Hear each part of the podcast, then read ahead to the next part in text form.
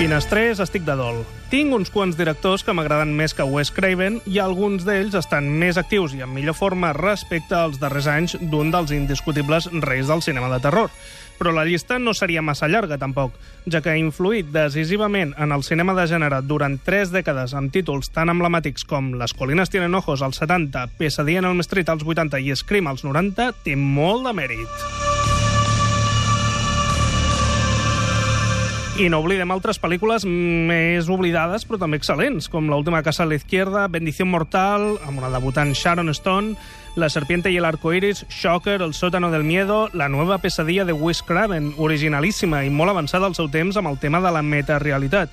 I Vuelo Nocturno, una entretingudíssima mostra de suspens en una sola localització que per mi va ser el seu últim gran treball de realització deixant de banda la nostàlgica Scream 4, que ha estat l'últim títol que ens ha regalat. Vaja, que m'agradaria dedicar-li a totes i cadascuna d'elles una dada per fer justícia amb aquest gran director. Però ens hem de contenir una mica i avui tirarem per la que crec que serà la pel·lícula més recordada de Wes Craven, Pesadilla en Elm Street. Cuando me desperté tenía la sensación de que seguía en la habitación conmigo. Me recuerda al hombre del saco. 9, 10, ¿dónde está Fred? Yo también recordé esa canción para saltar a la comba. Ha sido una pesadilla horrible. Horrible, no te la creerías. La dada de la finestra.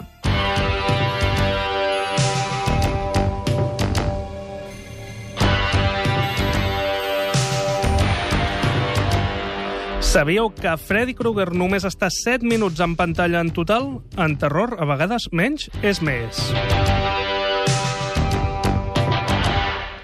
De fet, Wes Craven volia un especialista d'acció per fer el paper de Freddy Krueger, però després d'uns quants intents frustrats se'n va donar que necessitava un actor pel paper.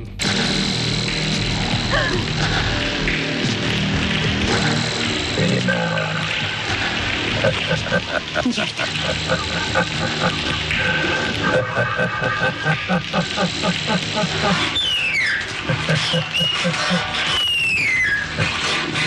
Dios mío.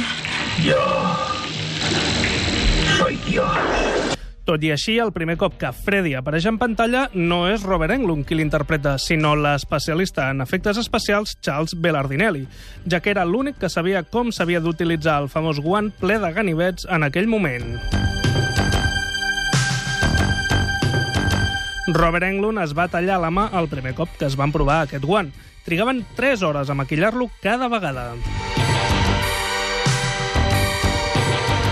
El guant original es va utilitzar a la segona part i fins i tot li van prestar a Sam Raimi perquè l'utilitzés a Terroríficamente Muertos.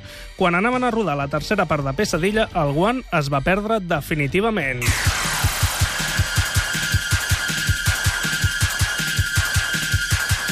Curiosament, hi ha un moment en què Nancy mira la televisió. La pel·lícula que projecten és Possessió infernal de Sam Raimi, predecessora de Terroríficamente Muertos. Nancy,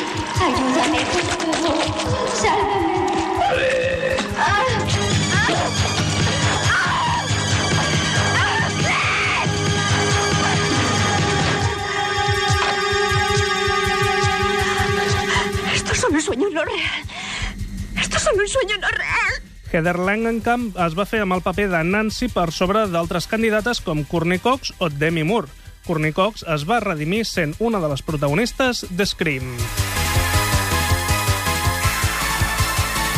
Va ser el film de debut d'una futura superestrella, Johnny Depp. El més curiós, i això sona a llegenda, és que ell no es presentava al càsting. Ho feia el seu amic Jackie Early Haley, però Wes Craven es va fixar en Johnny Depp i li va oferir el paper. Coses del destí, el 2010 va ser Jackie Early Haley qui va fer de Freddy Krueger el remake que no va fer cap justícia a l'original.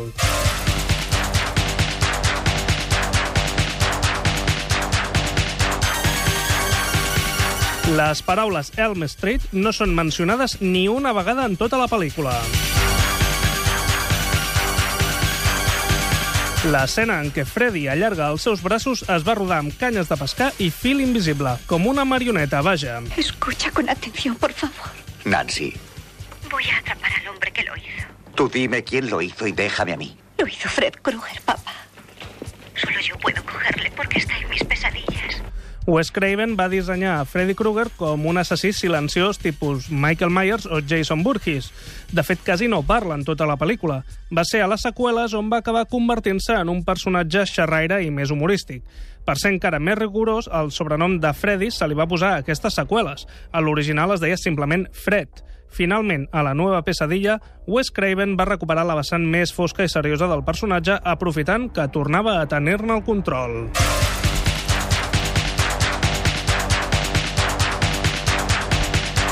Va costar menys de 2 milions de dòlars. En va recaptar 25 només als Estats Units. I això va salvar la productora New Line, que passava greus problemes econòmics de tancar la paradeta. Qui sap, potser sense Freddy Krueger no existiria el Senyor dels Anells. I podríem seguir més estona. És un film que dona per molt i em trenca el cor no parlar de l'altre gran èxit de Wes Craven, Scream, Vigila quien llama, que va ser la pesadilla en Elm Street de la meva generació i un altre film imprescindible pel cinema de terror contemporani. Potser molt aviat també li dedico una dada, perquè s'ho mereix. Fins ara!